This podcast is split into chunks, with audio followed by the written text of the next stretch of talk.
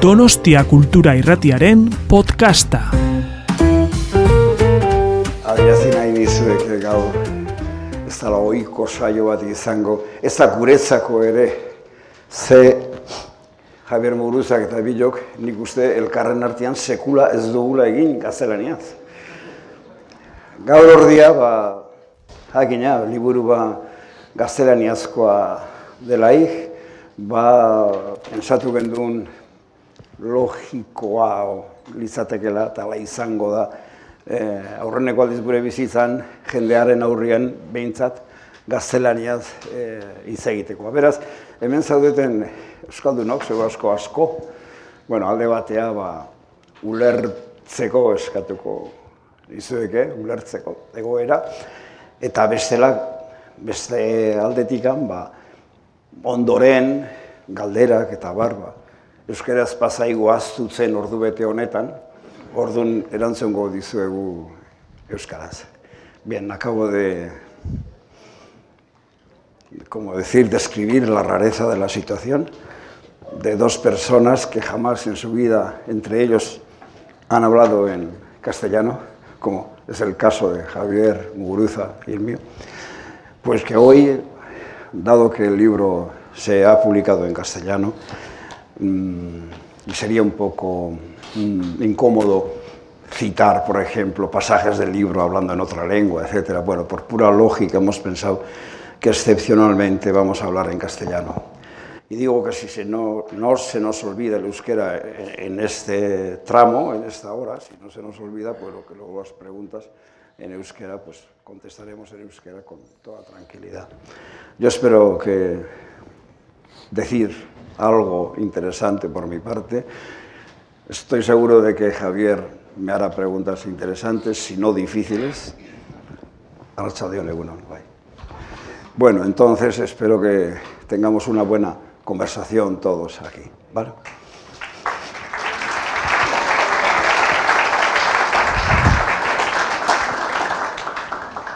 Atxaldeon, eskerrik.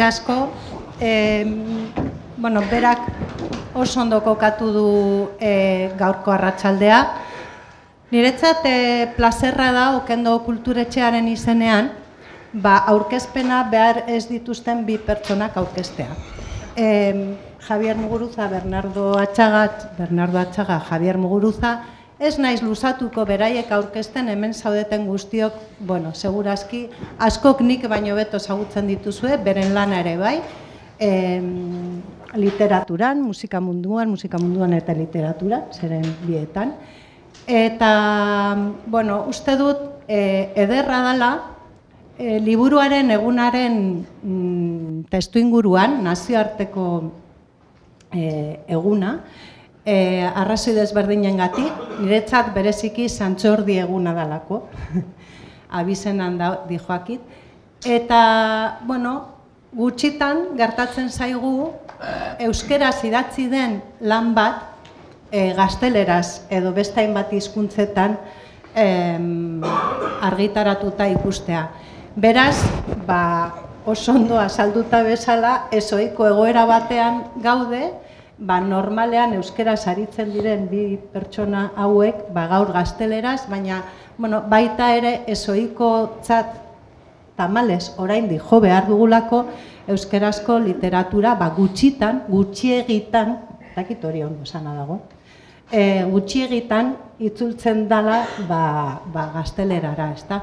Eta, bueno, ni ez naiz gehiago e, luzatuko, oso ondo azalduta bezala, bukaeran irekiko dugu txanda, mm, ba, nahi duenak e, hitz egiteko, eta e, hori, ba, nahi duenak euskeraz zein gazteleraz e, baritzeko Eh, esaten dizuegu. Donost, en nombre de Donostia Cultura es un placer eh, bueno, presentar a quien no necesita presentación, ni Bernardo Achaga ni Javier Murguruza. Eh, Bernardo ya ha explicado muy bien el contexto de hoy, para mí simplemente situarlo en el, bueno, en el hilo del día de ayer, 23 de abril, eh, día del libro. En pocas ocasiones tenemos la ocasión de ver libros en, escritos en euskera que se traduzcan al castellano Y bueno, pues todavía estamos en esa fase en que esto es una excepcionalidad. Eh, pero bueno, ese no es el motivo de hoy. No sé si tocarán el tema, mm, yo lo dejo ahí. Y ahora, sin más, entramos en desde el otro lado.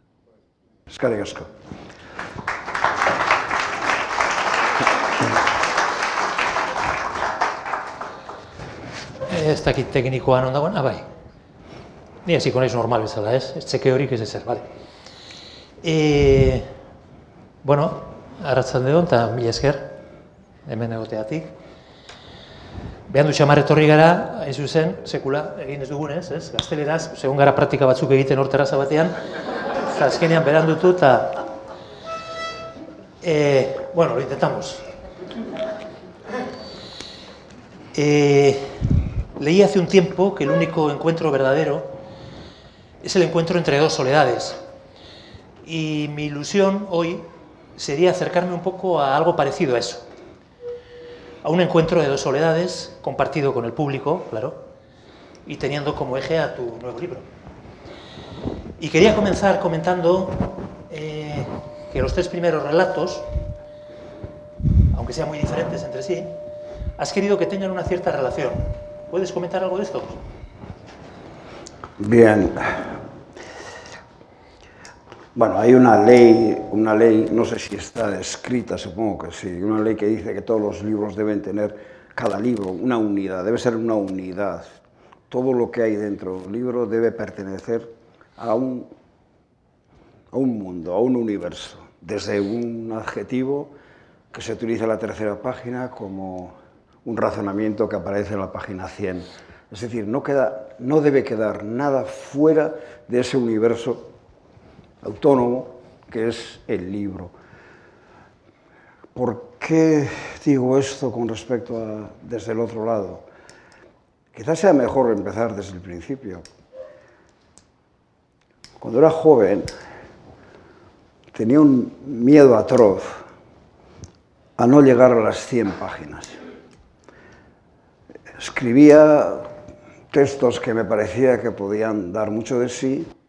La página 50, 60, ya no podía seguir. Entonces tenía, sin decirlo así, sin confesármelo, la idea de que para ser escritor había que llegar a las 100 páginas. En ese sentido, con la letra un poco grande, el primer relato que escribí, Dos hermanos, llegaba a las 100 páginas.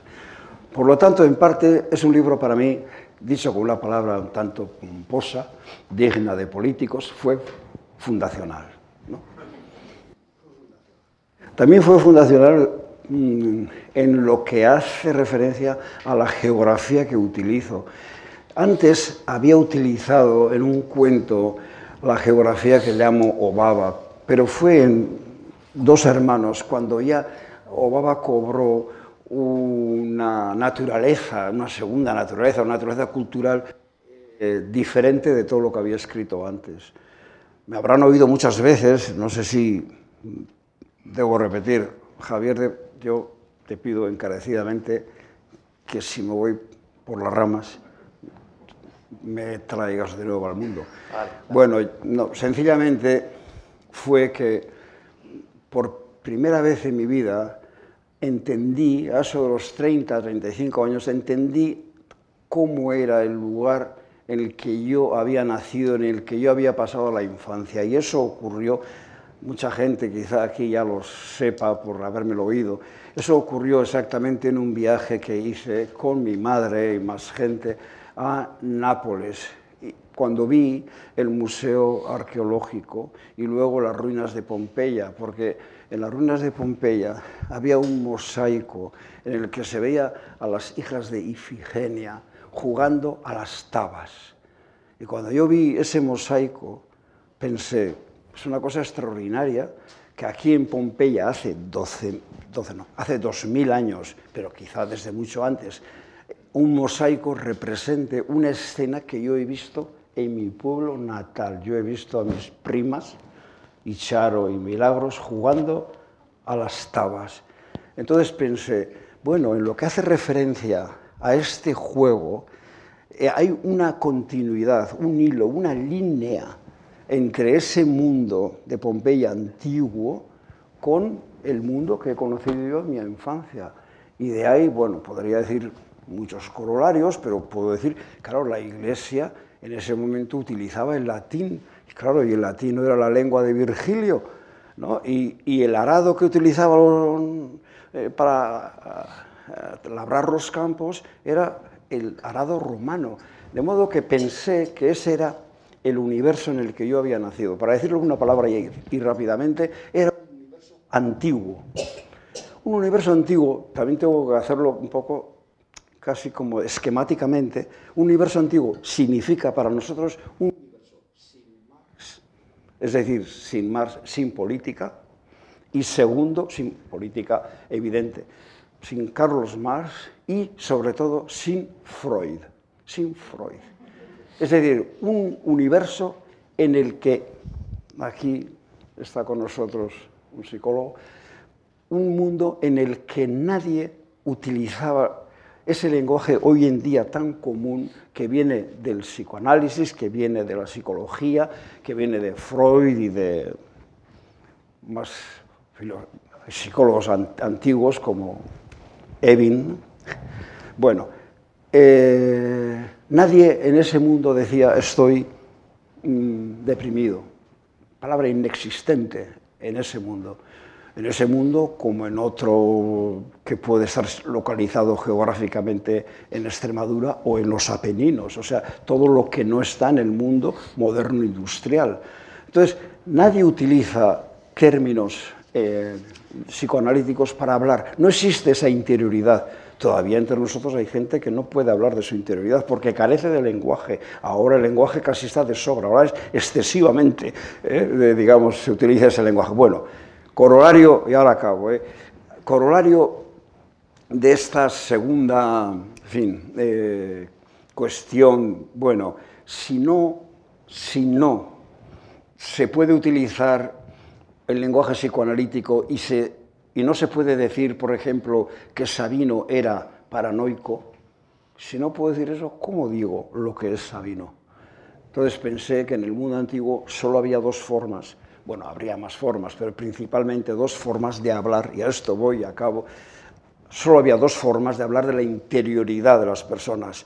Una era a través de los relatos, leyendas, a través de los cuentos de animales, a través de toda la, decir, todo el, pozo de la historia en los elementos animales, por ejemplo, la serpiente, etc. Por una parte eran los relatos de animales, por ejemplo, y segundo era sobre todo el mundo de los espectros, el mundo de los fantasmas.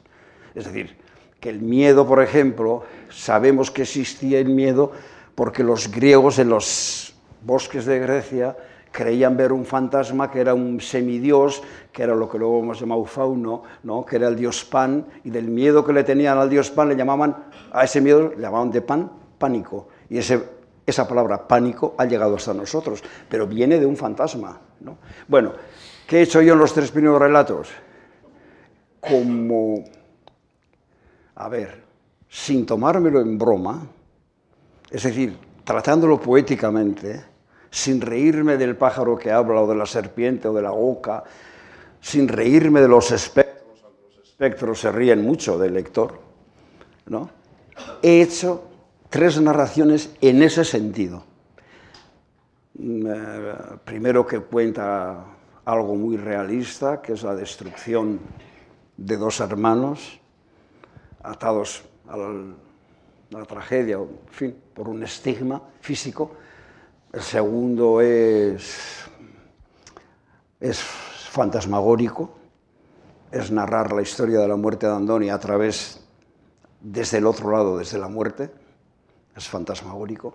El tercero eh, ya es más que fantasmagórico, ya es grotesco, porque son dos espectros que dan una conferencia sobre la vida y la muerte en un cementerio y, por supuesto, están a favor de la muerte, o sea, y no de la vida. Bueno, esos son los tres primeros. El cuarto es lo mismo, pero yo ya me tomo a broma lo que, eh, digamos, en los otros cuentos era mm, serio Es decir, el que relata, el narrador, es un búho, pero claro, es un búho que está en conexión con la policía de Reno, en Nevada, y eh, es un búho filólogo que hace digresiones filológicas eh, mientras está, digamos, persiguiendo a un criminal, etc. ¿no? Entonces, esa es la diferencia entre los tres primeros y el último, aunque el fondo sea lo mismo. ¿no? Bueno, eh, prometo que las respuestas, Javier, sean más breves si es posible. Como le gustaría precisamente a este búho, decirlo creo, te rogaría encarecidamente, ¿no? así hablaría el búho, ¿no? Sí. Por favor, que abreviaras un poquito, porque yo he trabajado mucho estos días y no, te voy a poder plantear prácticamente ninguna de las preguntas que tengo. Bueno, eso también forma parte del pánico escénico, ¿no? Uno se pone a hablar y, sigue hablando y así no, eh, digamos, le hagan ninguna pregunta más. ¿no? no, ha estado bien, pero abreviando un poquito. Bueno, de acuerdo. Otro apunte general. Eh, la presencia de Thanatos en el libro a mí me parece que es muy importante. Está la muerte misma, desde luego, pero también hay unos personajes muy oscuros. Está Carmen, están Mortimer y compañía, en este tercer relato que decías, grotesco creo que has dicho. ¿Quieres comentar algo de esto? Bueno, yo creo que eso sí te puedo responder en pocas palabras, porque es una experiencia que todos hemos tenido absolutamente, que es eh, dicho rápidamente, el encuentro con la muerte. Em, cuando un niño pequeño se encuentra con la muerte, normalmente, claro, no lo entiende y crea cuentos para poder aproximar ese fenómeno. ¿no? Yo recuerdo que el primer viaje que hicimos a Estados Unidos cuando nuestras niñas eran pequeñas, cuando llegamos a Estados Unidos, Dijo la hija mayor, que entonces tendría siete años, dijo, no los he visto. ¿Y qué no has? Este Yutikusi. ¿Qué no has visto? Y dijo, a los muertos. Y dice, ¿están muertos? Y la no decían que iban al cielo. Hemos venido por, hemos venido por el cielo y no he visto ningún muerto. ¿no? Bueno, entonces quiero decir, ese choque con la muerte que se repite luego a lo largo de la vida y que nunca deja de, hacer daño, siempre está ese, ese enemigo cerca, pues nos acompaña toda la vida. Yo no sé si ustedes, yo me acuerdo perfectamente en Asteasu de la primera vez en mi vida que vi una persona muerta, porque todos nos llevaban, nos llevaban a los caseríos, por ejemplo, a mostrarnos. Eta larrauko bidekoz, la camino un larral, un caserío, y nos llevaron, era una chica joven, dijeron, el domingo pasado estaba bailando, y entonces recuerdo perfectamente, como si fuera hoy, eh, lo bien vestida que estaba, etc. Bueno, yo tendría que seis años, más o menos.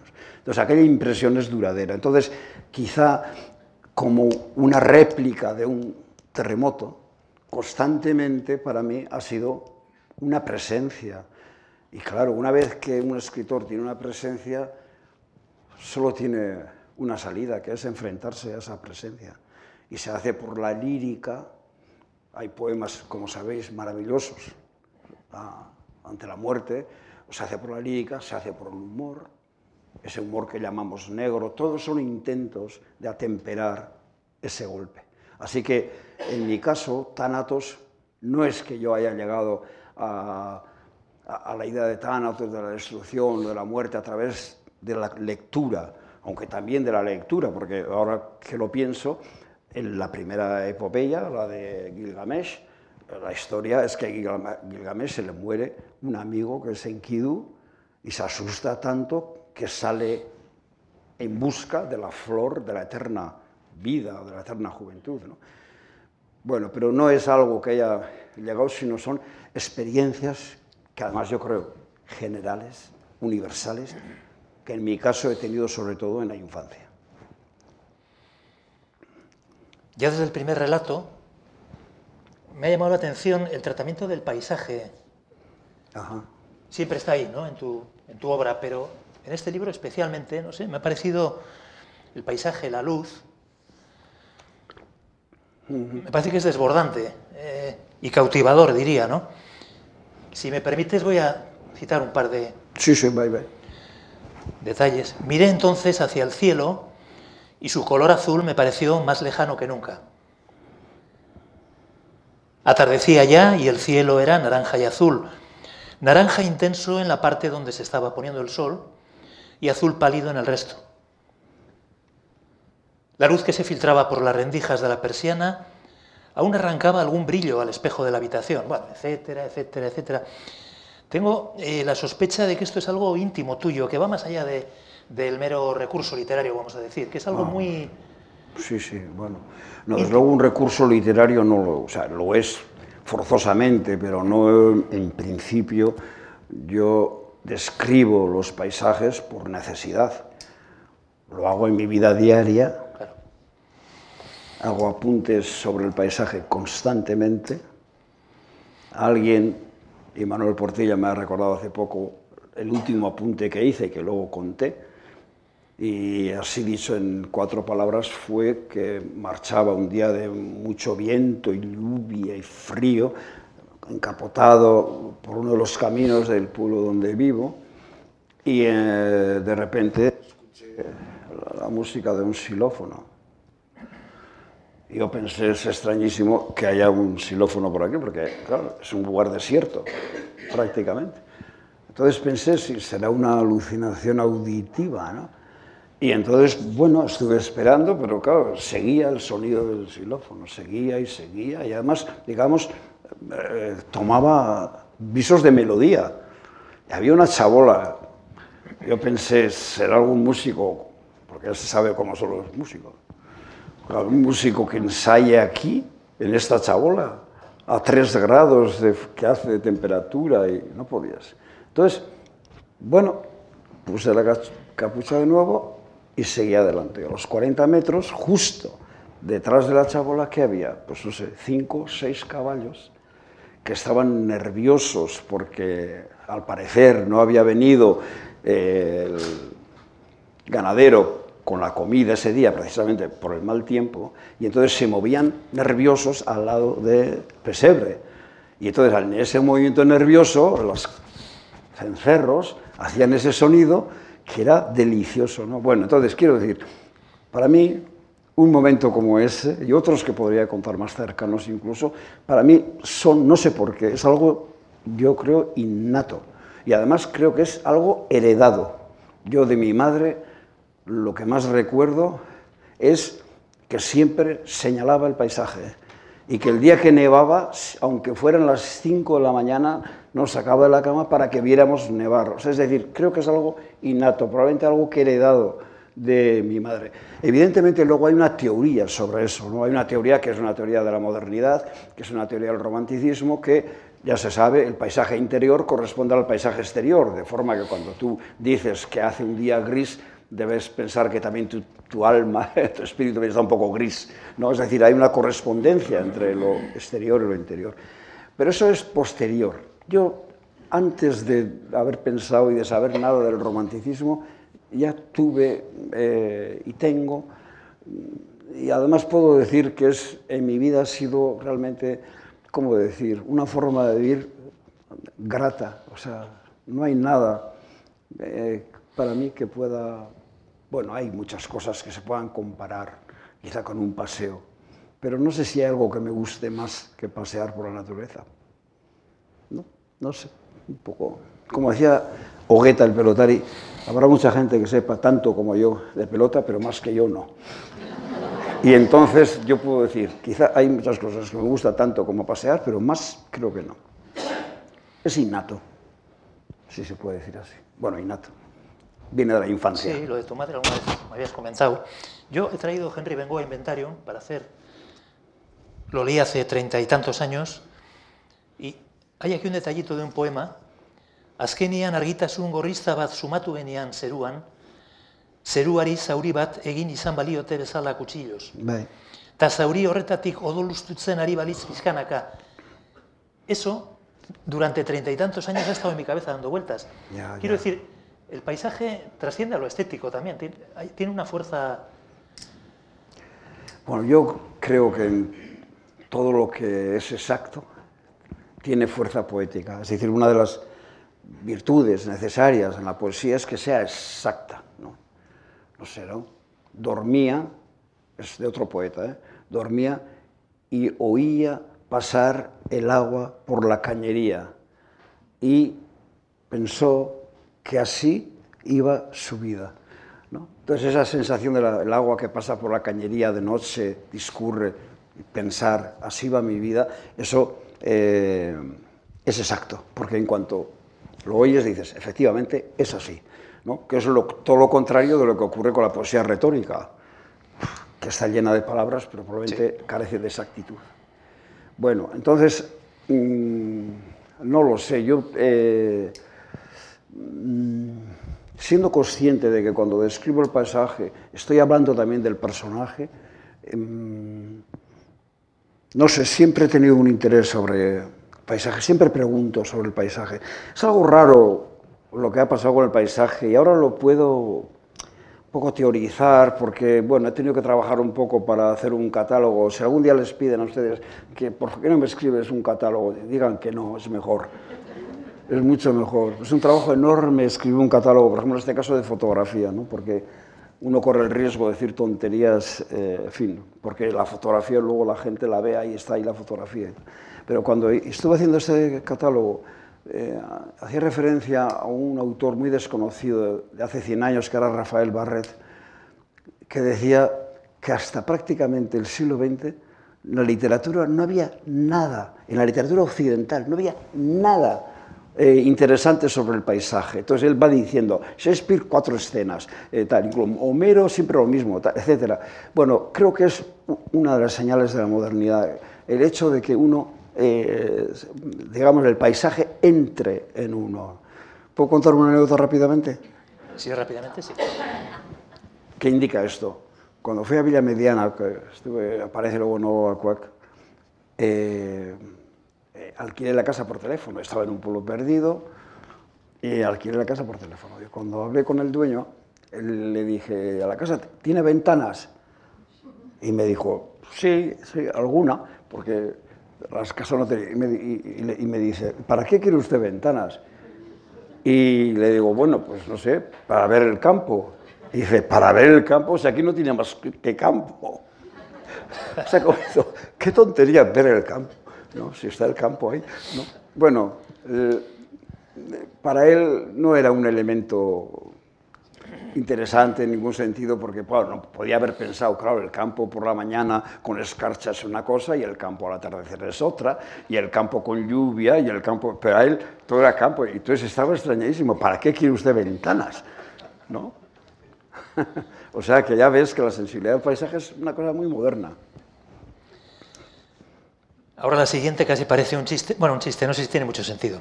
Te iba a decir, esta pasión por el paisaje, por la luz, puede tener que ver también con una búsqueda de la exactitud, como recurso para acercar al, lector a lo que está ocurriendo. Porque creo que funciona, por lo menos en mi caso funciona. Tiene ese efecto también. Claro, porque, bueno, al principio he dicho, en el libro, todo lo que hay en el libro, todas las líneas que hay en el libro, todas tienen que trabajar en la misma dirección. ¿no? Entonces, evidentemente, bueno, para poner un caso evidente, eh, un libro que escribí, Nevada Cueunac, eh, Días de Nevada, bueno, ahí hay un capítulo que trata de una travesía, no heroica, una travesía, con alguien que conocía bien el desierto una travesía del desierto. Entonces, el paisaje en ese texto condiciona todo y, es, y no hay o sea, es imposible, por ejemplo, la escena que ahora voy a decir, es imposible que ocurriese en otro lugar. Y es que, también rápidamente he dicho, es que voy con este hombre, que era Bill Douglas,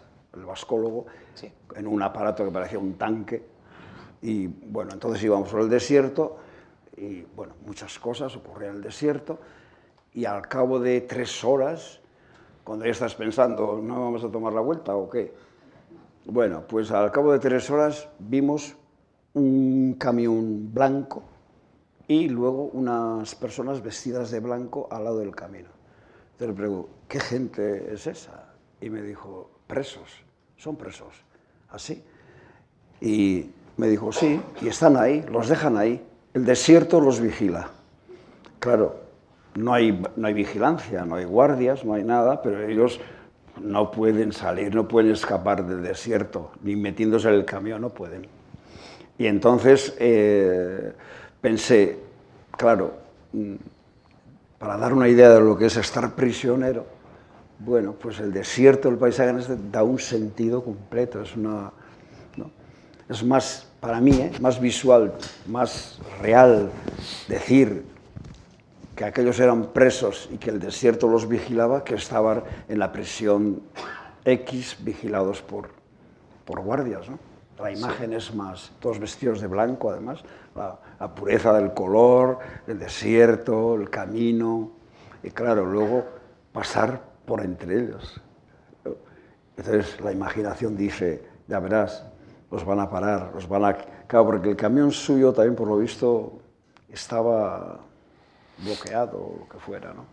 Entonces, igual nos van a quitar el coche y, se van a marchar en él y nosotros, y, bueno, esa tensión cuando vas a pasar entre esa cadena de presos ahí, que están sueltos, pero que no pueden escapar.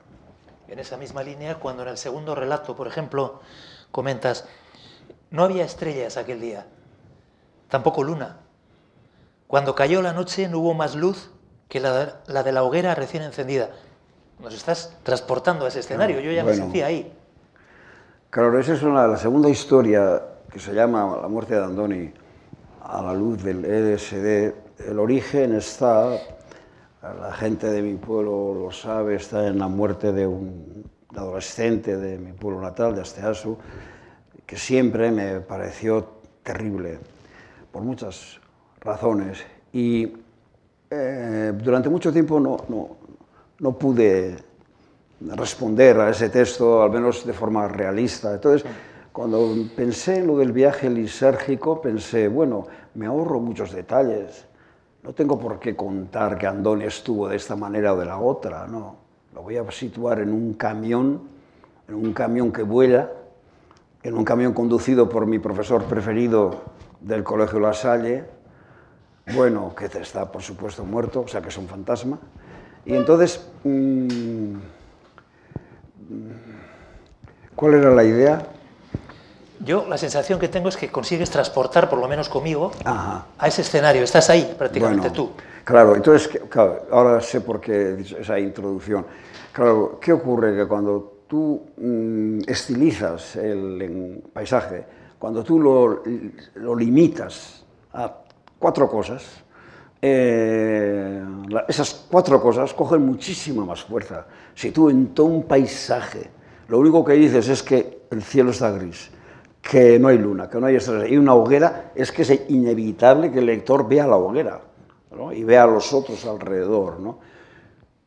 Antes he hablado bien de mi pueblo natal, ahora no voy a hablar también de mi pueblo natal, de Asteaso. Yo siempre cuento la historia, espero que las autoridades de mi pueblo natal no estén aquí. Y es que uno se acerca a Asteaso, vayan un día. Se acerca a Asteaso y entonces ve una escultura allí al fondo, en una rotonda. Y de lejos dice, Joder, qué bien, qué buena escultura, un hombre y una mujer. ¿no? Son dos universales. Entonces, una escultura interpreta ese universal, ¿no? Lo hace de una manera o de otra, los hace gordos, los hace flacos, los hace... Pero son dos universales. Te acercas y está lleno de detalles. Y entre los detalles están las layas, aquello que servía para layar, que es una actividad agrícola que ya nadie tiene en mente. ¿no? Entonces, eso que antes significaba tanto, porque solo eran dos conceptos, hombre, mujer, ahora es hombre, mujer, laya, labradores, Basterra y Tarrac, trabajando, sudor. Es, ridículo, porque esa escena es totalmente costumbrista, no tiene ningún sentido, eso todo el mundo lo sabe.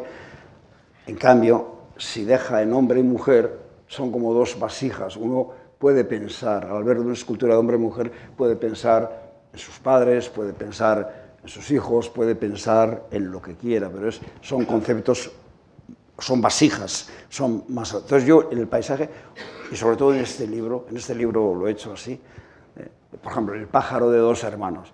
Yo digo, el pájaro de los hermanos está interesado en el taller de costura, y está interesado en el aserradero y en la casa de, de los dos hermanos, ¿no? Pero, Sí. por ejemplo, el ayuntamiento no le interesa nada. Entonces no se habla del ayuntamiento. Elecciones municipales no se habla de las elecciones municipales. Es decir, hay una estilización una, ¿no? de- del paisaje y del mundo. ¿no? Una vez más aparecen en tu obra las voces. Voces que surgen de nuestro interior. Son voces poderosas, así las siento yo, que están fuera de nuestro control. Me venía, por ejemplo, el tratamiento que haces en Guisona Bereba Cardadean, bueno, y en otros libros tuyos, ¿no? Antes has- creo que has comenzado ya adelantando algo de esto, ¿no? De las voces, pero a mí me interesa mucho. Bueno, claro, ahí el asunto central es que sea la conciencia. ¿no? Se nos han hablado de la conciencia, hemos nacido en una cultura en la que había una conciencia que regulaba nuestra conducta, que podía regular, y cuando la conducta no era la debida, esa conciencia ac- actuaba, eh, eh, digamos, eh, en fin, reprimiéndote, ¿no?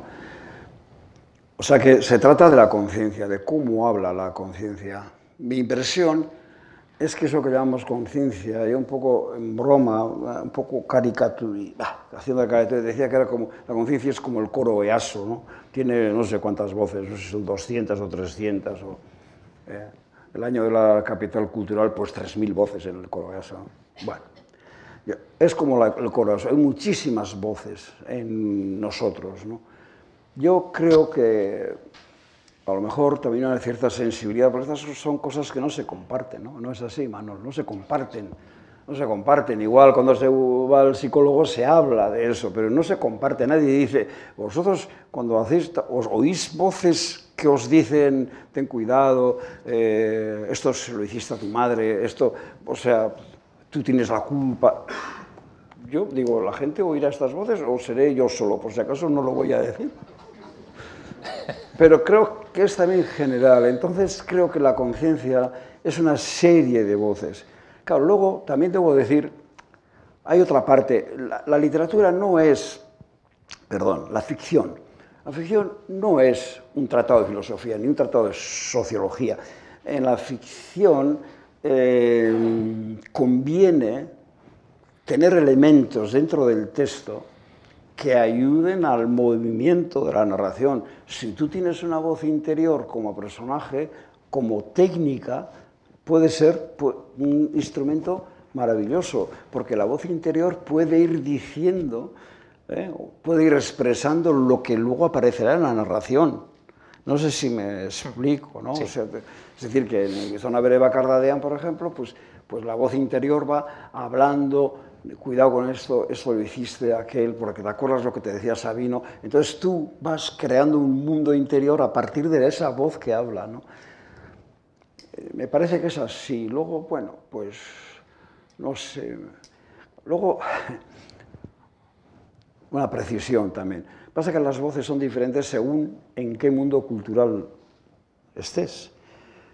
Por ejemplo, otra de las cosas que diferencia, me parece, la ficción, la poesía de la política, la sociología, es que para un político un sociólogo, esas, por ejemplo, el País Vasco es una unidad. El País Vasco, o las siete provincias, o el Estado, es un continuo, ¿no? Para un escritor eso, yo creo, no sirve de nada, al menos para el tipo de poesía o de, de ficción que yo hago, ¿no? Es que para mí, eh, incluso en el País Vasco, yo percibo diferentes universos, yo suelo decir cada 10 kilómetros cuadrados. Cada 10 kilómetros cuadrados hay universos diferentes. Y cuando digo universos diferentes es que se come de una manera, se escriben cartas de, una manera, se habla a los padres de una manera, se, etcétera. Es decir, por ejemplo, el mundo mm, de los 10 kilómetros cuadrados del Hernio, de, de, a ver, comparando con Tolosa, Tolosa, y como dicen hasta su primo tuyo, y comparando con Eibar.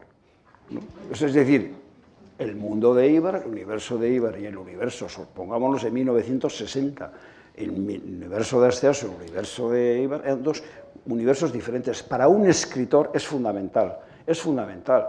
Entonces, por eso, por ejemplo, es fundamental, en Eibar uno puede citar un psicólogo, o en San Sebastián el personaje puede citar un psicólogo, puede decir paranoico, pero en el mundo, el universo que representa a no puede decirlo. ¿no? Bueno, todo esto lo digo porque, no, no sé por qué estoy Eh, diciendo esto. unido, al, unido al tema de las voces, tengo otra cosita. ¿Cuál? Unido a esto de las voces, tengo otra cosita. Ah, los voces. mandatos. Aparecen los mandatos otra vez. Ah. Eh, en el primer relato, por ejemplo, es un mandato con tintes casi bíblicos. La voz interior a un pájaro concreto, el pájaro elegido, diría, Sí, sí, sí, sí. sí. vete a Obaba y vuela a la casa de Paulo. Tiene, vamos, suena, a mí me suena así, ¿no? Luego está el mandato del padre, cuida siempre de Daniel. Claro, claro. Eh, Son mandatos potentes, ¿no? Ya sé por qué he hablado de los universos los 10 kilómetros cuadrados. Es que en esos 10 kilómetros cuadrados que yo llamo Obaba, la gran cultura, pero digo- ahora digo cultura, ideología, forma de vivir, forma de pensar, forma de todo, es, todos lo sabemos, es el catolicismo.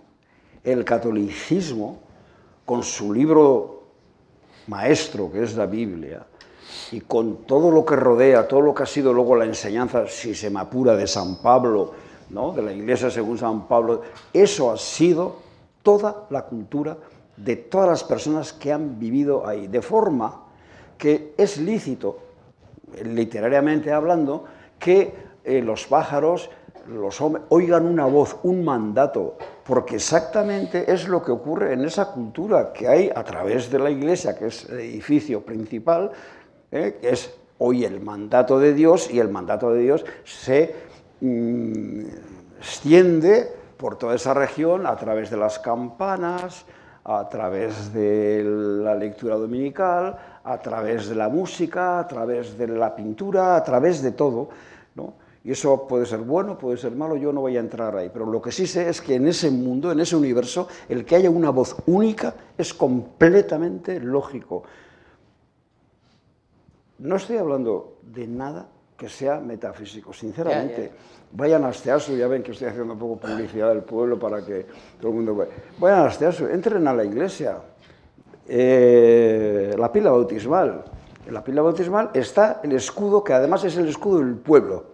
¿Y cuál es el, es- el escudo que la pila escudo del pueblo? Pues es el anagrama de Jesús, Jesús, tres espadas o tres barrotes con la serpiente, que es el anagrama de Jesús. ¿Cuál es la bandera de Asteasú? Amarilla y blanca, igual que la de el Vaticano. De forma que yo recuerdo que estaba un día, hace mucho tiempo, cuando viajaba, salía al mundo de todas esas cosas, estaba un día en las escaleras de la Plaza de España, estaba mirando el edificio de enfrente, bueno, esto es un chiste malo, ¿eh? el que voy a hacer ahora, ¿eh? malísimo. Pensé, ¿cómo? También esto es nuestro, pues, Asteasu, ¿eh? porque lo que veía era, era un escudo igual que el de Asteasu y una bandera igual que la de Asteasu. Claro, era el consulado del Vaticano en Roma. ¿no? Bueno, entonces, hasta ese punto, eh, digamos, esos lugares están marcados por esa ideología. Y en esa ideología, la voz única es, vamos, es lo que cabe. En Reno, Nevada, no podría hacer eso. Por eso el, el búho de Reno, Nevada es un, bueno, es, es un, no un loco, es un, un extravagante, ¿no? No tiene nada de divino ni nada, es, es un bromista. Abrimos el libro, Achaga, y nos encontramos con los dos relatos, traducción del euskera de Bernardo Achaga y de Tu mujer a hungaricano. Así es. Un escritor bilingüe eh, llega un momento en que ya no puede trabajar solo, es imposible. Pero quería, Entonces- es que tengo un recurso dialéctico, una especie de chiste yo también, Ah, bien. que quería decir, esto en la práctica, ¿en qué se traduce? Ahí estaba el chiste de la traducción, ¿en qué se traduce? ¿Cómo lo lleváis a la práctica? Era mi, mi chiste sin gracia. Bueno, tú tienes mucha razón. Eh, cuando estuvimos en no sé qué país, Lo que quieras contar, ¿eh? No. no, cuando, cuando estuvimos en no sé qué país, entonces en la charla, bueno, puedo decir el país, era Hungría. Sí, no sé si era Hungría. Bueno, puede ser Hungría. No es que haya viajado mucho, pero es que fuimos porque se había publicado un libro, hay una traducción. Entonces en la, en la charla, pues hablamos de la traducción, de cómo yo decía, pues un escritor como yo ya, si no asungaricano, que es traductor y que es, digamos, no podría ser escritor. Sería imposible mantener un ritmo como el que llevo, ¿no? Y después de la charla se acercó una traductora del lugar. Sí. Y se dirigió a Sungarica, la mujer, y le dijo, ¿cuántos años lleváis casados? Entonces dijo, ¿y siempre ha sido así, traducir y tal? Dijo, pues parece mentira, ¿no? Es decir, ella decía, si traducen los dos, pues tienen que enfadarse constantemente, claro, porque es un trabajo muy duro. Normalmente, normalmente desde hace, desde casi Obabacoac, bueno, escribo yo la primera versión, ella traduce esa primera versión y la corrige y marca los puntos débiles. Una traducción es quizá la mejor forma de corregir. ¿no? Y este punto, este tal, este, esta frase, aquí hay algo lógicamente no tal. Bueno, entonces ella hace esa segunda, eh, digo, esa traducción primera, Sí. luego lo recibo yo, acepto, no acepto, cambio esto, lo que sea, y luego se lo paso otra vez a ella, el cuarto paso, y de ahí sale el libro. De ahí sale el libro. Hay roces Pero a son veces. cuatro Igual pasos. esto ya es muy personal, no sé. Claro que hay, Sí. eh, hombre, claro. Las palabras, cada uno tiene una sensibilidad, en fin, digo todos, ¿no? Tenemos una sensibilidad hacia las palabras.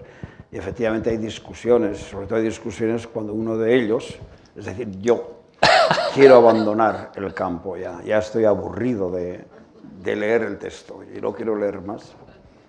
Entonces, normalmente la traductora insiste que hay que ser profesional y hay que seguir trabajando.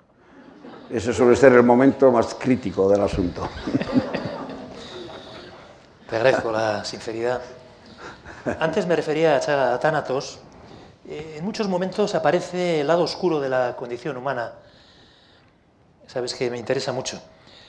Redding dice, sois malvados, os burláis de mí con esas risotadas. Claro. En otro momento leemos, en el pueblo había el anhelo secreto de que ocurriera algo, y si era un drama mejor.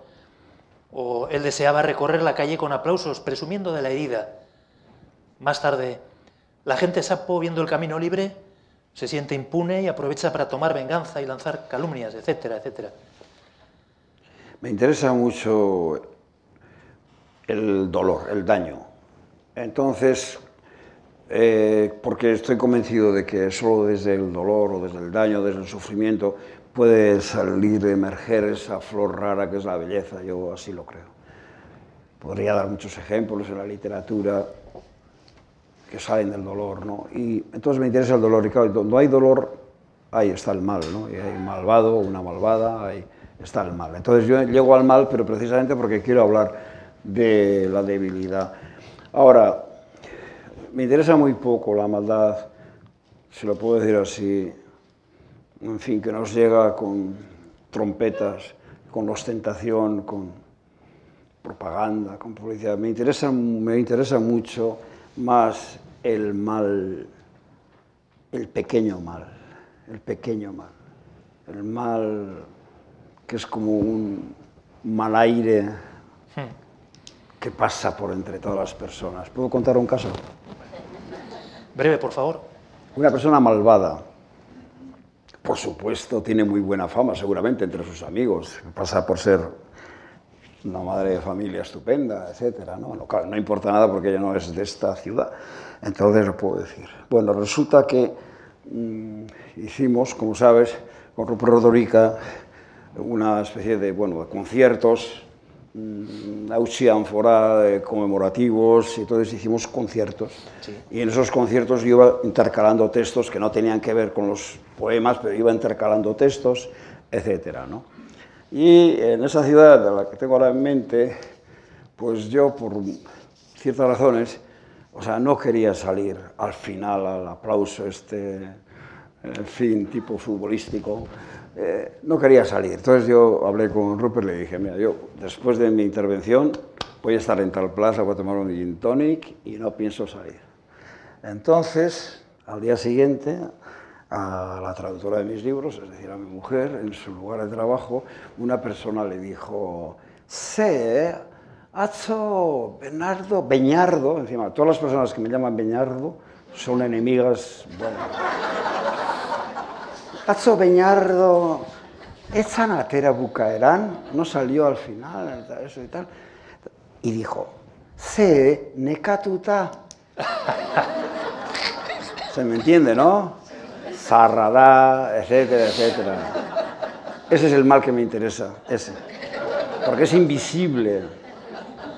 Y bueno, así podríamos todos, tendríamos cantidad de casos que contar de personas, claro, malévolas, eh, pero esa, esa agresividad eh, como sotoboche, como chamorrua, ¿no?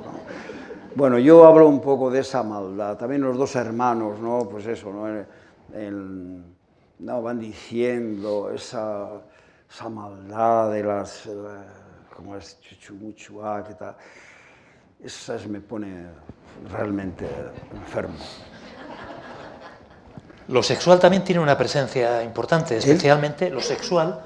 Lo sexual también tiene una presencia importante, especialmente en el primero y en el cuarto relatos. Eh, en el desarrollo del personaje de Daniel es central, ¿no? Central. Desde que hay ese contacto con el pecho de Teresa, yo creo que se vuelve algo. Sí, sí. Eh, luego está el cura también, que parece que, que, le angustia tanto el sexo como la mujer, ¿no? Eh, en el cuarto relato, en fin, el sexo es ya. el eje, ¿no? El eje. Bueno, es sencillo también, claro, de explicar, ¿no? Que, bueno, en el primer caso, es decir, todo el mundo sabe que mientras dura la infancia eh, no hay en realidad conflicto. No hay conflicto, ningún conflicto serio. Puede haber dolor, puede haber enfermedad, puede haber, pero no hay conflicto, ninguno. ¿no? Es decir, todo es como no sé, como un mundo, un universo gozoso, hasta que eh, aparece, que es el tránsito a la madurez, aparece la urgencia sexual. Claro, en el caso que yo cuento en dos hermanos, esa urgencia sexual va acompañada por una debilidad mental, de modo que no puede digamos, el elemento represor, que al mismo tiempo es el elemento socializante, es esa contención ante lo sexual, que es precisamente lo que hace que, digamos, la sociedad se organice.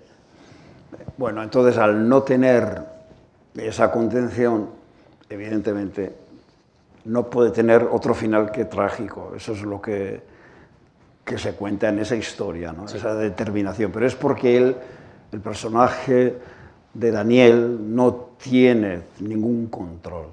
¿no? En realidad, antes se habló de pan y de fauno, es una especie de fauno, es una especie de fauno, no tiene ningún deseo más allá que la urgencia sexual. bueno, entonces es eso. Y en el cuarto que dices, es verdad, pero he titulado la pieza como un, asesinato de película, ¿cómo es? Un crimen de película. Claro, al ser de película ya doy una pista de que, bueno, esto tomadlo un poco a broma porque, porque es de película, ¿no? Y entonces es además en Estados Unidos, con policías americanos, etcétera y tal. Bueno, sí tiene, pero yo estoy ahí un poco mofándome de cierta cultura dominante, de series y demás. Me mofo un poco, me, me burlo un poco, hago risas con el búho. De, en un momento así más crucial del texto, el, búho, que es el que lo sabe todo, hace una un excurso eh, filológico. ¿no? Así que el lector dice, joder, ¿cómo? pero este se va a parar aquí ahora, pero no va a explicar qué ha ocurrido. Pues no, pues él habla de no sé qué palabra. Pero eso más bien, el último es, el tono es más cómico, de fondo, que, que duro. En el primero sí es duro. Esta sí puede ser con un monosílabo ¿Este búho tiene alguna relación con aquel que me escribiste para el disco infantil que decía anafora, pleonasmo, anatema? Sí, efectivamente. bueno, porque es verdad, hicimos un...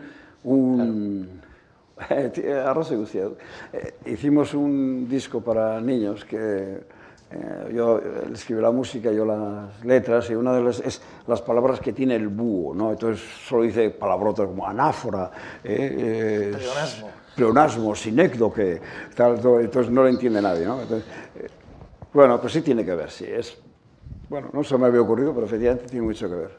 Bueno, sin más. Voy a ir saltando porque ya veo que andamos un poco justos, voy a saltarme algunas. Esta me interesa especialmente. La conferencia en el cementerio es muy loca, eh, realmente disparatada, casi delirante, diría yo. No sé Delirante. si el búho lo aceptaría. Las vestimentas, el discurso de los personajes. Pero uno se pone a mirar un poco la realidad y no sé si ve esa, esta historia tan, tan delirante, no sé si la ve tan lejana del gran espectáculo que estamos viviendo ahora, no sé, a través de la tele, de las redes, Sí, de los sí. youtubers, de... No sé cómo lo ves tú, ¿eh? pero Sí. yo lo he vivido un poco así. al- Bueno, efectivamente, que incorpora el tercer texto, es el que, el que titulo Conferencia sobre la vida y la muerte en el cementerio de Ugarta, Ugar, Obaba Ugarte. Entonces, al principio se dice algo que, que enseguida, digamos, da idea de qué va a ir el texto, porque cuando, digamos, el protagonista o el que habla, el narrador, le pregunta al que va detrás, a quien no puede ver, le pregunta, y bueno, ¿y esto eh, a dónde vamos? Y dice, de una conferencia. Tal. Entonces le dice, desde que Obaba creció y se convirtió en Obaba Ugarte, pues el cementerio se amplió y ahora se pueden celebrar un montón de eventos en el cementerio, ¿no? Entonces empecemos por ahí. Entonces, eh, claro, entonces es De hecho, perdona, eh, lo que iba a ser una conferencia acaba siendo, es como un programa, ¿no? Claro, entonces de repente esa conferencia, de repente ah, se utiliza la palabra programa y además se transmite directamente por desde, desde un, ¿cómo es? un panteón, hay un panteón que actúa como de, de tal.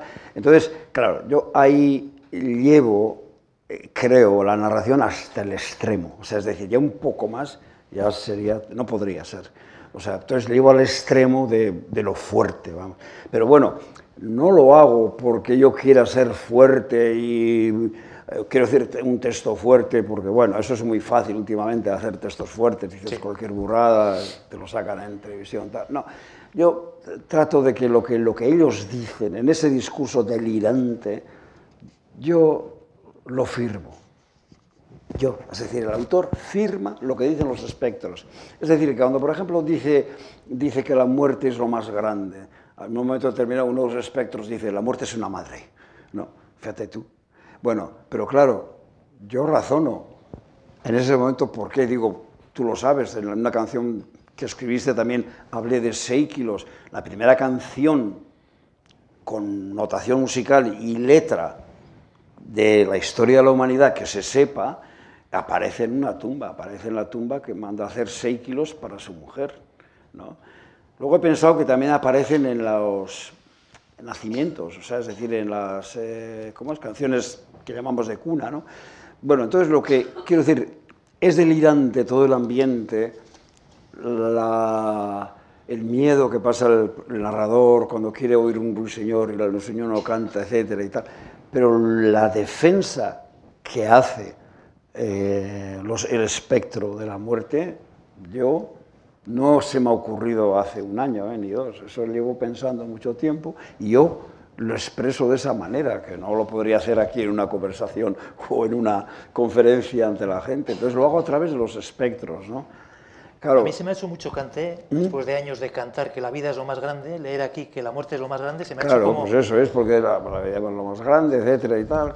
Esto es lo que se canta, lo que se dice, se malinterpreta todos esos tipos de mensajes. Se canta gracias a la vida de Violeta Parra como si fuera una canción de celebración cuando es una canción de despedida porque se va a suicidar. O sea, es decir, hay siempre una mala eh, interpretación, yo creo, interesada, ¿no? Es decir, eh, la vida es lo más grande, pero bueno, por favor, miremos a la historia, miremos lo que pasa. No parece que sea lo más grande, ¿eh? porque se juega con la vida, digamos, de una forma completamente, vamos, bestial, ¿no? Entonces, bueno, yo no digo, porque los textos de ficción no es que eh, sean tesis, no hay, no hay tesis. Claro, en una conferencia se acerca a la tesis, por cierto, pero bueno, pero eso es, yo mm, lanzo ese, ese tipo de textos que ya digo, si no se toman con una cierta distancia, pues son textos un poco, un poco fuertes, ¿no? Fuertes. Por Me van a permitir, eh, no sé si está la organizadora, que una última... Sí, tenía que terminar a las 8, pero habéis hecho unas presentaciones muy... muy extensas. Joder, No, dejarme no, cinco minutos. He sido muy chinchúa. ¿eh? Eh, bueno, dime. Disculpa dime. que te interrumpa, Chaga, pero hay mucho humor en este libro, te quería decir, es que esta me interesa, es otra de las que me interesa especialmente. Pero es un humor, joder, asusta un poco, ¿eh? Especialmente en el tercer relato, no quiero adelantar demasiado porque luego la gente supongo que tendrá interés en leer el, el libro. Yo lo recomiendo fervientemente, creo que diría el búho. Fervientemente. Sí, y luego el búho diría fervientemente. ¿Por qué digo fervientemente? ¿Por qué fervientemente? Porque eso vendrá de hervir, ¿no? Y entonces iría por ahí. Encarecidamente, quizá. Bueno, eso, el búho va así. Es un humor, joder, es bastante irreverente, ¿no? Por ejemplo, las continuas alusiones a los muertos. Yo y los que estaban dentro de las tumbas fuimos los únicos en no reírnos, no por la misma razón, obviamente. Tampoco aplaudieron los que por imposibilidad manifiesta llevaban semanas, meses o años sin aplaudir. No se notó ningún cambio entre los que estaban dentro de las tumbas, aunque habrían tenido mucho que decir, etcétera, etcétera. Pero no solamente son las alusiones a los que están en las tumbas. eh, el personaje de Teresa, ya envejecida, ahí me he recordado, y supongo que recordará a la gente que haya vivido de cerca pues, con, con enfermos de Alzheimer en una determinada etapa, cuando empiezan a desinhibirse y hablan de una determinada forma, del sexo, de... Es verdad. No sé si quieres comentar Bueno, algo. luego es, por ejemplo, bueno, humor eh, negro, pues, ¿no? Cuando la muerte, digo, cuando Mortimer o Parco eh, defiende la muerte, pues dicen los nombres de la muerte, ¿no? Ya sabes, pues, los nombres no me acuerdo cuántos son, bueno, sí se me acuerdo cuántos son, pero son nombres como bonitos, ¿no? Novekian, no sé qué y tal. Sí. Entonces, claro, lo digo así, pero en vez de decirlo como, digamos, sin subrayado, lo hago con subrayado. Entonces, la- dice los nombres de la muerte, si te has dado cuenta, son 11, como un equipo de fútbol. Como si fuera un equipo de fútbol. Dice este, el otro, ah, tal. En cambio, dice la vida, qué nombres tan ridículos. Vida, dice vi, qué, qué, horror, qué, qué nombres tan feos y tal. ¿no? Bueno, yo- hay el lector, o sea, los lectores, depende, o sea, eh, eh, un escritor siempre, digamos, plantea un pacto con el lector, ¿no? Entonces, si eh, un escritor dice, era un hombre de 45 años, en cuyo rostro se notaban los estragos del tabaco, se quitó la gabardina, llamó por teléfono, la rubia platino, ta- bueno, ya sabes qué te está proponiendo, ¿no? Una, otra novela policíaca, otra novela negra. R que R, eso es un pacto. Ahora, si el, el escritor te dice que, bueno, vas a una conferencia de Mortimer y Parco sobre la muerte, pues ya digamos que el pacto es diferente, o sea que tú verás si entras o no entras, pero claro, el pacto que se propone es diferente. Ahora, es serio, no es... Yo creo que te puedes reír, pero claro, pero, pero, pero bueno, la risa es un modo de entrar en los grandes temas, ¿no? Y yo siempre digo, en los grandes temas, y en este caso en la muerte, yo puedo entrar sobre 10 hasta 8. De 8 a 10 ya no me atrevo. Y habría casos en los que no podría, evidentemente, como se vio, por ejemplo, en, el- en la última pieza de Casas y Tumbas, que es un asunto grave, pero yo no me puedo enfrentar humorísticamente a, un- a una desgracia cercana, etcétera. ¿no? Entonces, bueno, hasta donde yo puedo llegar es hasta ahí. Luego los lectores verán. Voy a terminar por mi parte. Tengo otras sobre el ritmo y tal, además veo a grandes músicos por aquí. Igual, quizá luego pueda plantearla. Eh, esta también tiene que ver con la música. Podríamos decir que de alguna forma el tercer relato es un relato protesta, al modo en que se hablaba de la canción protesta en otros tiempos. No hay una toma de posición radical por tu parte frente a los de factos, los doctor Mortimers, estos, los parcos que hablan que de algún- a ver cómo decirlo, que habitan la noche con mayúsculas. No hay como un Bueno, ahí hay un, claro, lo grotesco, ¿no? Eh, en ese relato hay algo grotesco y el hecho de que haya pantallas, haya focos eh, y que, por ejemplo, pues Parco hable, vamos, directamente diciéndolo como un presentador de televisión o un youtuber de estos. Bueno, pues eso efectivamente yo ahí muestro mi bah, rechazo, no, es peor, no voy a decir. Yo sí muestro, si se quiere decir así, mi desprecio a ese tipo de cultura. ¿no? Entonces, además lo digo de verdad, en el sentido de que cada vez estoy más convencido de que los libros, que es otra forma de estar eh, pensando y estar acompañando, estar acompañado, eso, eh, digamos, prácticamente me recuerda a la época de las catacumbas cuando Roma, es que me parece que la lectura, los libros, eh, ya, es decir, están en una catacumba y, en vez de quejarnos, me parece a mí, de estar en una catacumba, lo que hay que hacer es salvaguardar la, la catacumba. Hay que hacer muy buenos laberintos por dentro de la catacumba para escapar del ruido, del enorme ruido ambiente Claro, yo no sé si es por la edad, también suelo decir que yo acabo de cumplir los 70 años, cosa que no esperaba. Yo esperaba siempre tener 38, más o menos. Pero bueno, yo he pasado, entonces quizá también mi experiencia hace que tenga una más sensibilidad hacia un tipo de...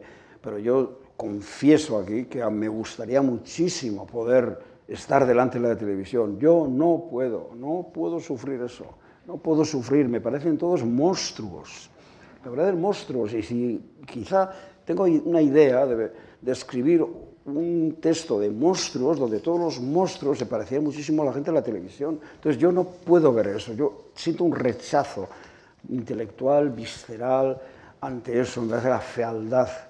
¿Eh? Entonces, bueno, y hay bueno, cosas que veo que me parecen...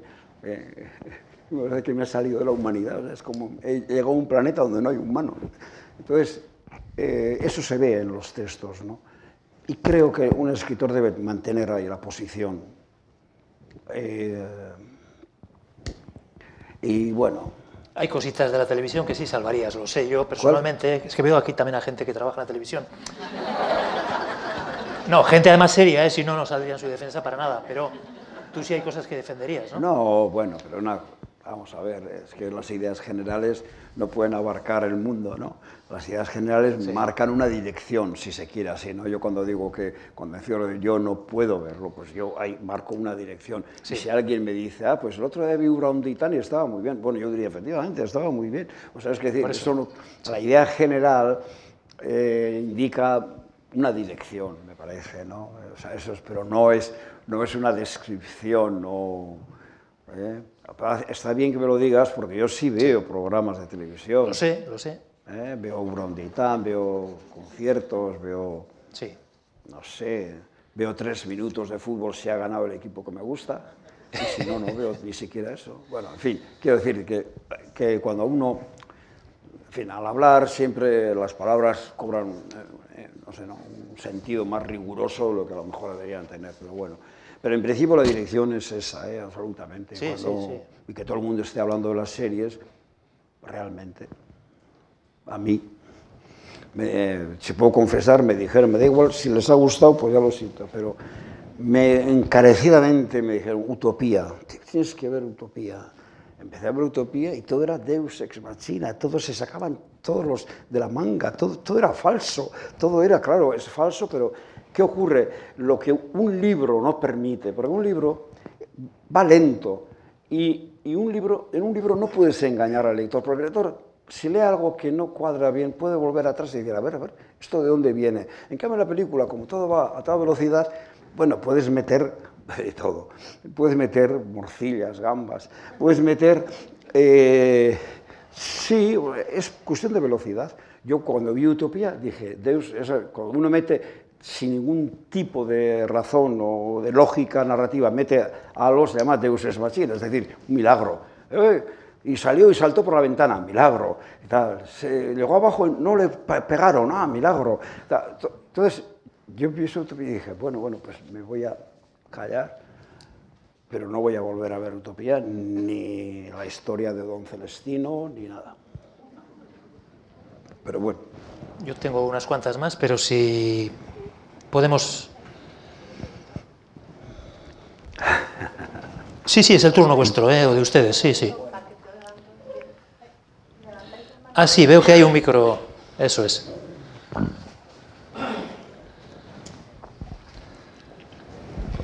Es que ricasco a los dos. Muchas gracias. Eh, Bernardo, yo me atrevo a decir que los tres primeros eh, eh, relatos tienen algo de machadiano, de distinguir las voces, las voces de los ecos, y entre las voces una, me parece. Que tienen todas algo de los... De algo machadiano, de distinguir las voces de los ecos y entre las voces una, como una concordancia. Y luego la pregunta, eso es una opinión, y la pregunta sería, o es, hay cosas sobre la muerte que no se pueden hablar ni escribir porque no hay palabras aseguras, ¿no? Eh, o porque el tabú en una buena medida también las cubre.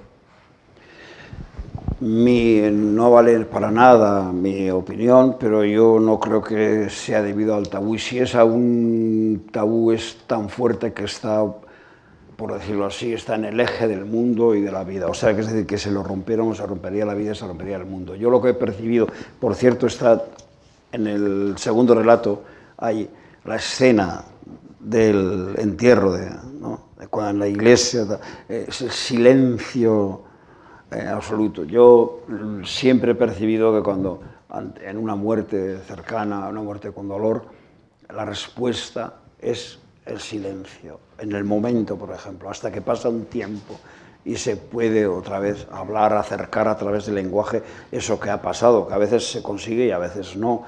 Entonces, a mí me parece que ante la muerte, pues eh, si puede, claro, todo es tabú, pero no es un tabú social, es un tabú ligero, sino es un tabú, si se puede decir, esencial. Es esencial. Por ejemplo, todo el mundo ha tenido la experiencia de estar, todo el mundo, en un acto religioso o no, en un entierro civil y de una persona que aprecia mucho, que han fallecido.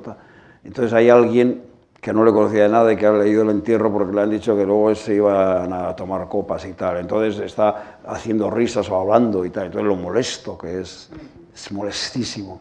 ¿no?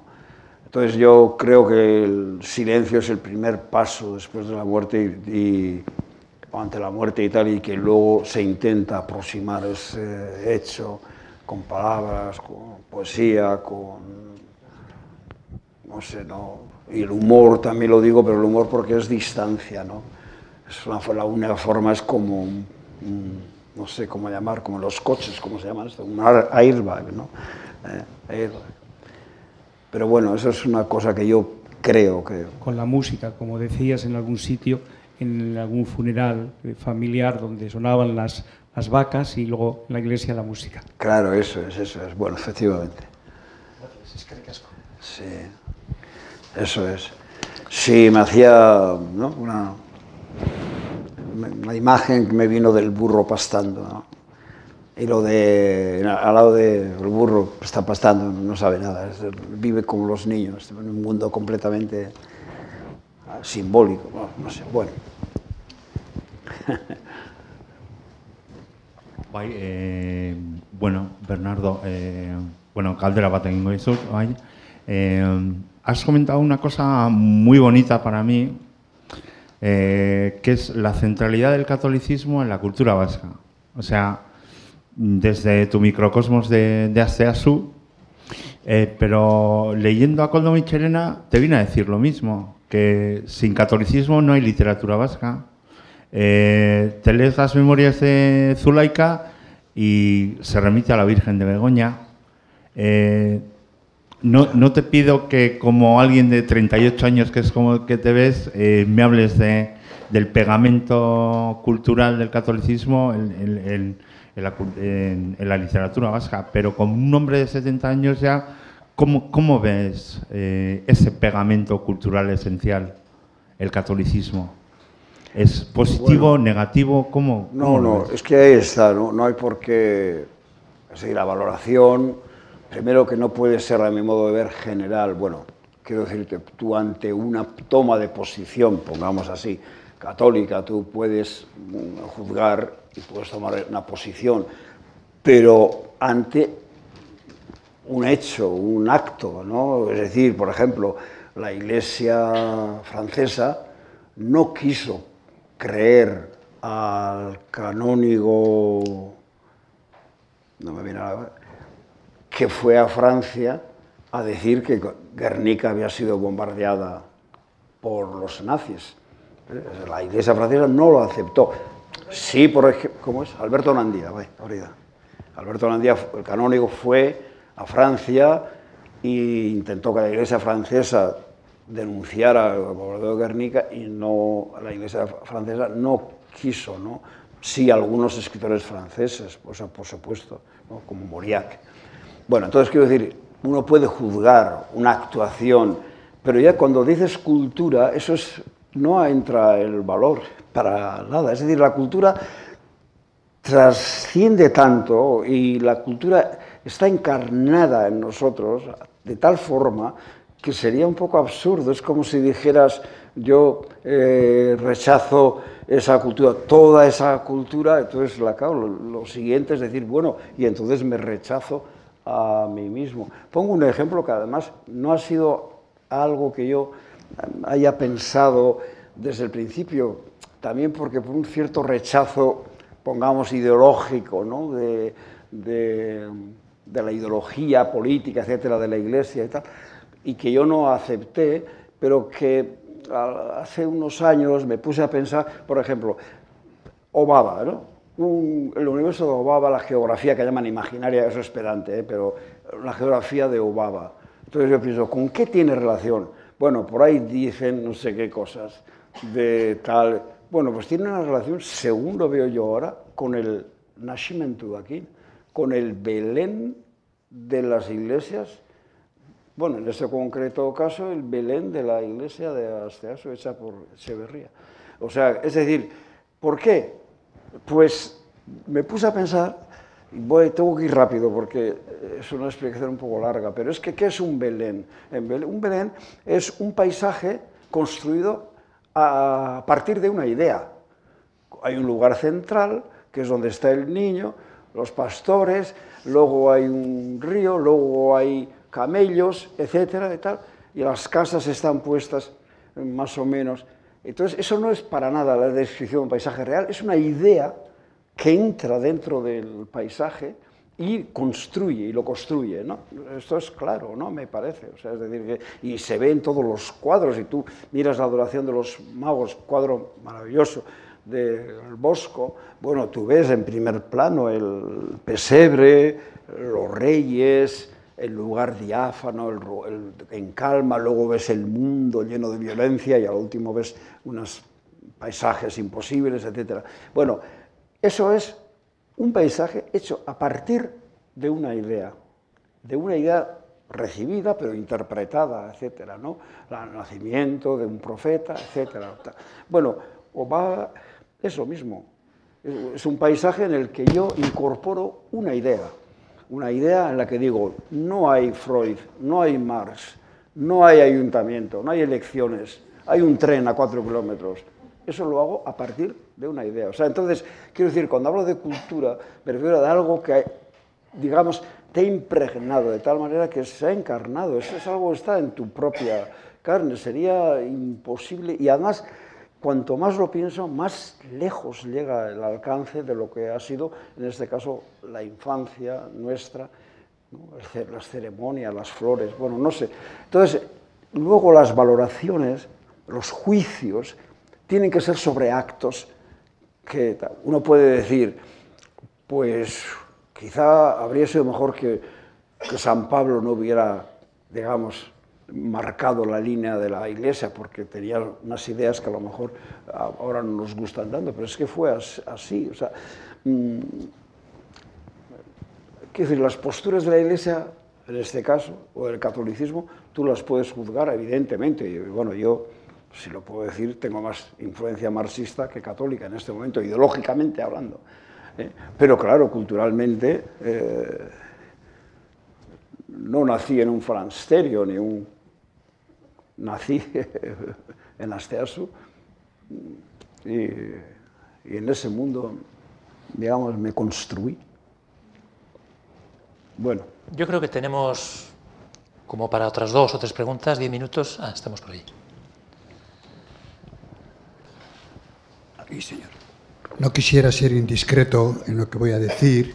No busco tampoco hacer ningún tipo de propaganda ni de publicidad sino simplemente compartir una reflexión que yo me hago. en este momento a propósito de la cultura y de la cultura en el terreno vasco, en Euskadi y concretamente más en Guipúzcoa. Solamente una anécdota.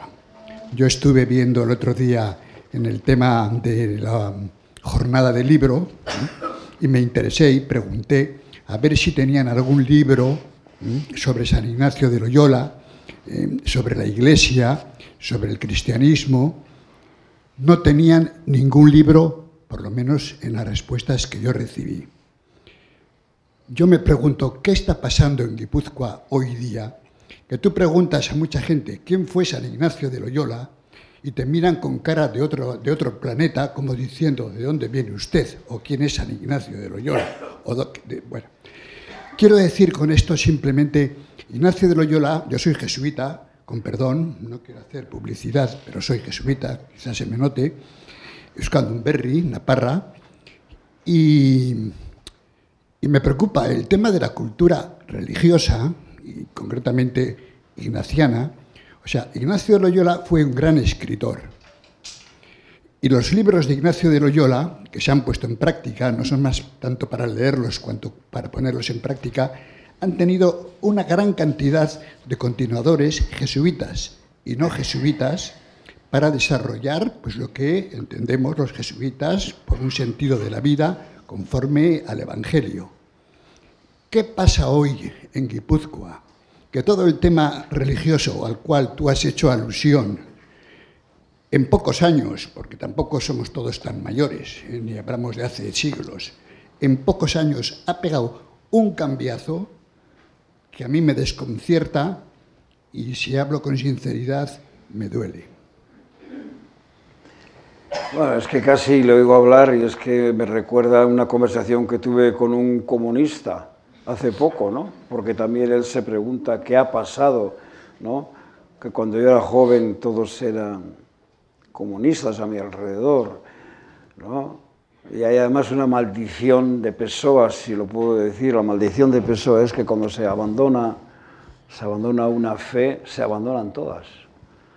Así que, por ejemplo, el feminismo tiene que tener un poco de cuidado, porque como se cumpla la ley de Pessoa, dentro de poco también el feminismo va a pasar a ser algo del pasado. ¿no?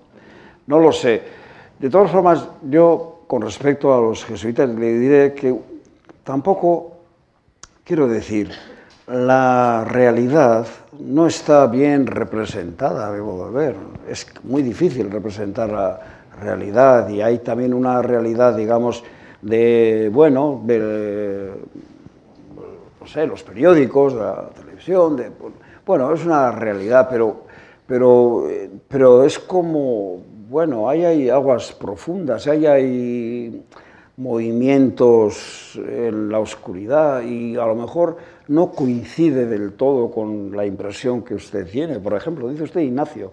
Bueno, pues eh, un Imanol Rayo que es un director de cine realmente rompedor y es un hombre que va a tener mucho futuro en el cine. Eh, solo se ha dado una vez, porque él así lo quiso. Ha hecho una película sobre San Ignacio, sobre Ignacio, la llama él, Ignacio, que es solamente son, es una película que solo toma en cuenta el momento de la conversión de Ignacio, con planos que duran siete minutos, ocho minutos, o sea, es algo bueno, y lo ha hecho pues, Imanol Rayo, que tiene 35 años y que es un cineasta rompedor y tal. ¿no? Y luego, como usted bien sabe, también las, eh, con Ignacio, pasa también como con lo de la cultura que hablo de la iglesia, porque usted sabe perfectamente la importancia que ha tenido Ignacio en la psicología, ¿no? los, los, ejercicios de Ignacio se consideran como, bueno, no sé si el primero quizá no, pues sería Pilicueta, pero el primer, eh, digamos, que habla de la interioridad de una cierta, es Ignacio, y bueno, y Roland Barthes, que es dentro de lo que es los estudios lingüísticos y literarios, es el, vamos, en el siglo XX uno de los grandes, bueno, le dedica a San Ignacio, como es Ignacio, es, es, un libro que se titula Loyola, Fourier y, y uh, esto, eh, Masoki, ¿vestía? ¿Cómo se llama? Masoki, el contrario. Sade. Creo que se titula Loyola Fourier Sade, el libro de Roland Barthes. O sea, es decir, que a mí me parece que, bueno, que, que también habría mucho que hablar sobre los jesuitas y sobre Ignacio, pero no me parece que sea otra cosa que haya desaparecido de, de la espuma de los días, pero en principio no sé si ha desaparecido. Yo Claro, igual tendríamos que volver al tema ¿Eh? de que igual tendríamos que volver al tema de la velocidad que antes de la velocidad que antes tocabas, Ah. ¿no? Quizá esto no esté ocurriendo solo en lo, religioso, quiero decir. Hace poco una profesora de música N me decía que hizo el experimento de preguntar a los alumnos por Manu Chao. Nadie conocía a Manu Chao. Creo que algo que para mí es muy sorprendente, pero esto es un dato que está Dentro de poco vamos a ponernos a hablar de la educación, ya verá usted. De la escuela. Claro, porque ahí hay un... Por ejemplo, antes hablamos de la religión y hace poco mm, me llamaron del colegio La Salle, donde estudié, ¿no? Estudié a partir, yo primero estudié por libre, de Asteaso, en bicicleta, etcétera. Bueno, pero en- ya en tercero, en cuarto de bachiller vine al colegio La Salle, entonces yo me estaba un poco preocupado porque a ver qué digo del colegio La Salle y además gente muy cercana me decía tú diles esto y lo otro y lo demás allá pero claro yo me puse a pensar y realmente no encontré nada malo que decir los de La Salle. En mi caso yo no digo al de al lado. De forma que di una charla en el colegio La Salle que yo creo que van a acabar por hacerme un cuadro o algo así porque porque hablé estupendamente bien del colegio La Salle, o sea, y así fue. y- y yo recuerdo, si de no haber sido por el colegio La Salle, habiendo yo nacido en Asteasu, a ver, eh, no sé, habría aprendido a leer, efectivamente, y todo, pero desde luego no.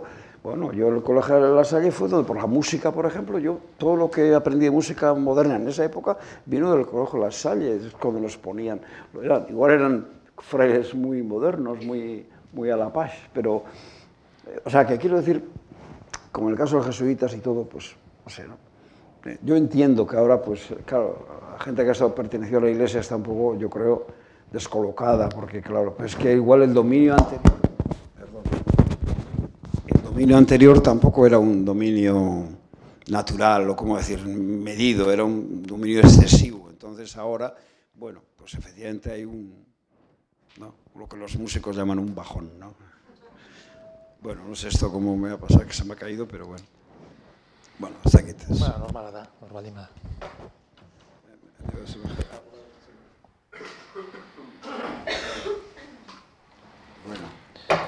Yo prefiero que sean ustedes los que...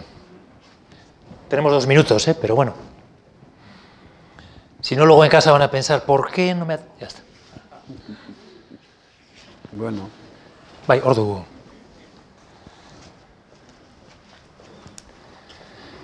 Illacuría, fíjese usted. Bai.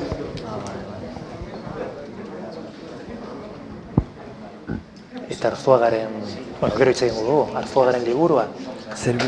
Arzuaga jesuitaren liburua, eh, Che Guevarari buruz, eta gero hitz egingo dugu. Bueno, ez egin nahi, behar, bueno, azkenekoa. Bai. Ah, ez, ez du nahi?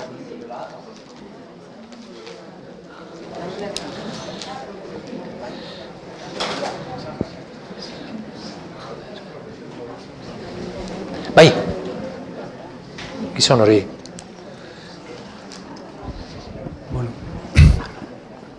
Lehenguan irratia nahitu nun eh, hauzkotasuna neandertal eh, gizakiatikan sortu zala eta bueno, netzat atsegin handikoa da eh, zue bezalako eh, musika bai, hitza ere, idatzizkoan, baina geho nola eh, hitzetara pasatzen zuten ere eh, zuen, bueno, barne mundu hori ikuskera eta Orduan, e, hauskotasunari helduta eta eskola aipatu duzu, e, ni eskola naitzen naiz lanian, amaika urteko bueltako mutien eskamutiekin, eta bai euskeralde batetik e, zebrak o, o matizio okeita denbele edo harrituta nola musik ui, marrazketa tailerrean eskatzi ziaten, aste batetik bestea, nire taldekoak etzien ikasle batzuk, ei, jarri berriro, jarri berriro.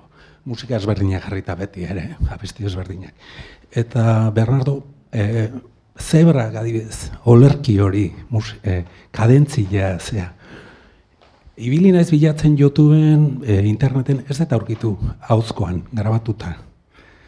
Eta, bueno, galderan bat itekotan, ba, hauzkotosunaren garrantzia gaur egungo, hainbesteko testu, plataforma, WhatsApp, hainbeste hitz jario, ez dakit. Dakit. Gai luzea, ez? Dakit nola esan, eh? Eskola, E, oira, oso gai luzia da, ze, zuge esaten duzu ahozkotasuna, baina zer da ahozkotasuna, ze, ze, zenbat gauza dian ahozkotasuna, ze Euskal Herrian esateko ulertzen da ahozkotasuna, eta beti lotzen da, ba, fi, ez dut esango zarekin, baina, bueno, pixka bat parregarria da, hemen oso urritu badago ahozkotasunaren, ahozkotasunaren, esango dizut alde txar bat, ahozkotasuna, ne ustez, eta ez da defenditzen denean goguan hartu behar da ahozkotasunaren esanaietako bat. Eta da, bakizu zein, primitibismoa. Hoi, Rusok idatzita utziz, utzi zuen. E, lotzen da ahozkotasuna herri primitiboekin. Zergatik zetekan, garai hartan Ameriketako ba, indioak eta gero xotebrian ere joan zen Ameriketara eta dena, haiek zian agrafoak, ez zuten idazten, ez zeketen ez eta ordun ordu ezkeo lotu da ahozkotasuna mm, primitibo mm, keriarekin. Beti, inolare ez, baina hori, itzal hori, beti egon da. Eta, esate bateako, e, behin, ez askotan, nire liburuei buruz, o nik nire testuei buruz, esaten diate, ai, nola antzematen da ahozkotasuna, ai, esaten euskalduna da primitiboa. Hala da, igual konturatu gabe, baina e, hori hor dago, itzal hori benetakoa da. Hortikan aurrera, ba, ahozkotasunak, ahozkotasuna, ahozkotasuna, hitzak, eh, hitzak, eh, ba, idatziak ez duen zerbait dauka, ba, azkar esan da. Idatzia testua da mutu ba, e, zu ez duzu haitzen, ez duzu ikusten, ez duzu narratzailearen keinua sumatzen, horreti da idaztiak dauka zailtasun hori, ze hola hitz egiten dudanean, zuek ni ikusten hau zuet, ikustezu eskuak hola mugitzen ditut, hala mugitzen ditut, irripar egin dut, ez dut, eta hor dago behalditako esanaia, osea, hor, hor dago mezu ikaragarri bat, bakarrik esateko modu. Testuak ez dauka hori, testua da isila, eta testuan dena adierazi behar dezu, eta bizirik jarri, berez bizirik ez da ona. Ze, hitz egiteakoan, ahotsa dago bizirik. Areago esango dizut, ahotsak dauka berezitasun zoragarri bat, eta da ezerk ez du ahotsak aina nortasun adierazten. Zuk horatzean, etorri da norbait, hasten da izketan, zuk entzuten diozu, eta esate duzu, gaztia da. Mm? Gaina urolakoa, izango asegurasko, euskara, e, katarrua dauka pixkat. E, mutila da, neska da. E, esan nahi dut, ahotsak ematen du, izgordin batekin esan da, sekulako informazioa. Orduan, ahozkotasunaren abantaila da hori, Osea, ahotsa, hori irratiaren boteria, irratia, nahi, iruditzen zait, ematen du ez ez, baina telebista baino asko ze, e, zabalagoa da bere mezua. Ahotsak hala esaten du. Zuk entzuten diozu norbaiti, eta badakizu benetan ari da noeztan. Edo badakizu esaten ari dan hori sinesten duen, ala aidan errepikatzen norbaitek esan diolako konsigna hori zabaltzeko, zuk konturatu itezea horri buruz. Ahotsak hori dena zabaltzen du. Idatzita, mm, igual zilake konturatuko. Orduan, esan nahi dut, ahots kotasunare laburtzeko, ora, beti landu behar da, ba, gezki izan dut, landu behar da txorakari bat da, goguan hartu behar da, baina kontuz, hartu behar da goguan bere, hor ere, bere uniberso osoan, eta gauza asko esango nituzke. Uste dut Euskal Herrian hor bait jarri zutela, ez? Halako ezakit, zenbat diru publiko erabili izan hartan, baina jarri zuten, ez? Halako eskola bat, halako ez dakit, Euskal Herria behin ez da jakiten ze gertatzen proiektuekin. Beti da eguna, aurkezpen egunak dira hemen nagusi, gaur bezala. Aurkezpen eguna, hau egingo dugu, aurrerago goxoago. Gero ez dakigu ze gertatzen horrekin. Ahozkotasunekin hori gertatu da. Asmatu zen, egin zen egitasmoa, eraikina, ez dakiz Nik ez dakit ezer, ez dakit jendea bagin ezer. Baina, bueno, hoi beste kontua da. Nik esan hori gauza bada izugarri ederra, taldi berean kontuz eh, baditulako konotazio mm, ez oso onak, eh? hori da. Hoi derridak ere idatzi du. Ere ja, Euskaldunei buruz mila aldiz esan da hori. Ziarka bada ere, pueblo agrafo. Ez? Ez dakit azkena, una última pregunta, un último comentario. Oso gai luzea da, eh? Nik, jode, interesatzen zait ikaragarri gai hori, baina... Yo quería felicitarles por estar hoy aquí con este lunes. Tiempo maravilloso. Hoy le he oído a Aizpuro que, que ha llovido, ha sido un récord, otro récord. Eh, la semana de Pascua, hoy con este tiempo están, están aquí llenando esta sala. Y por otro lado, pedirles encarecidamente que si van a comprar el libro, por supuesto, pero luego pedirle que firme que no le hagan muchas preguntas porque tenemos un compromiso posterior. Para una vez que venimos a Guipúzcoa. Eta hori esan da, ez dakit eh, beste galderarik edo baduzute edo bestela bukatutzat bai, bada, hor beste bat. Nik ez dut liburua irakurri, baina batziko dizuke tituloari buruz. Zergatik titulo hau? Bueno, aurrena, esango izut egila.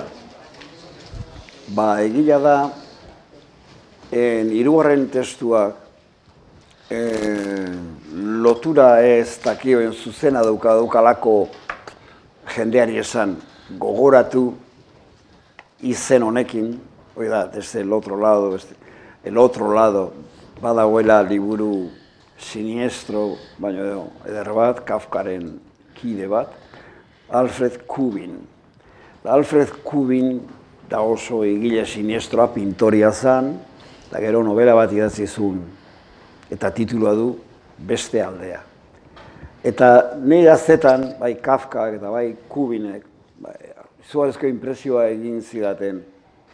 Eta orduan, ba, liburu hau antolatzeakoan, ba, irugarren testu horrek, e, kanposantukoak eta bak, esan duen horrek, ba, zan, ba, hau konturatu gabian bada ere, ba, bueno, konturatu gabian, bai, beti izaten da, ba, bueno, hau Alfred Kubinen mundua da, pixka bat, e, fin, eta spektroak, eta hola. Eta horregatik jarri nion, e, beste aldetik, ez, desde el otro lado. Horregatik da. Eta alba dezu, bueno, alba dezu, baina goizez, gau bez, gego metxak izaten dira, goizez ikusi Alfred Kubinen marrazkia jarri Alfred Kubin, marrazkiak eta ikusiko duzu zen marrazkia dira. Da izugarriak dira. Beak, eragin handia izan zuen Kafkan, eta gero Kafkak e, aitortu zuen gainera, eta gero beak ere Kubinek esaten zuen Kafkaren eragin handia eukizula. Hor da, erdi Europako mundu hori, eta, bueno, horregati da, e, erreferentzi zuzena literarioa badago. Eh? Hori da. Bueno, mila eskerta ondo bizi, ondo izan.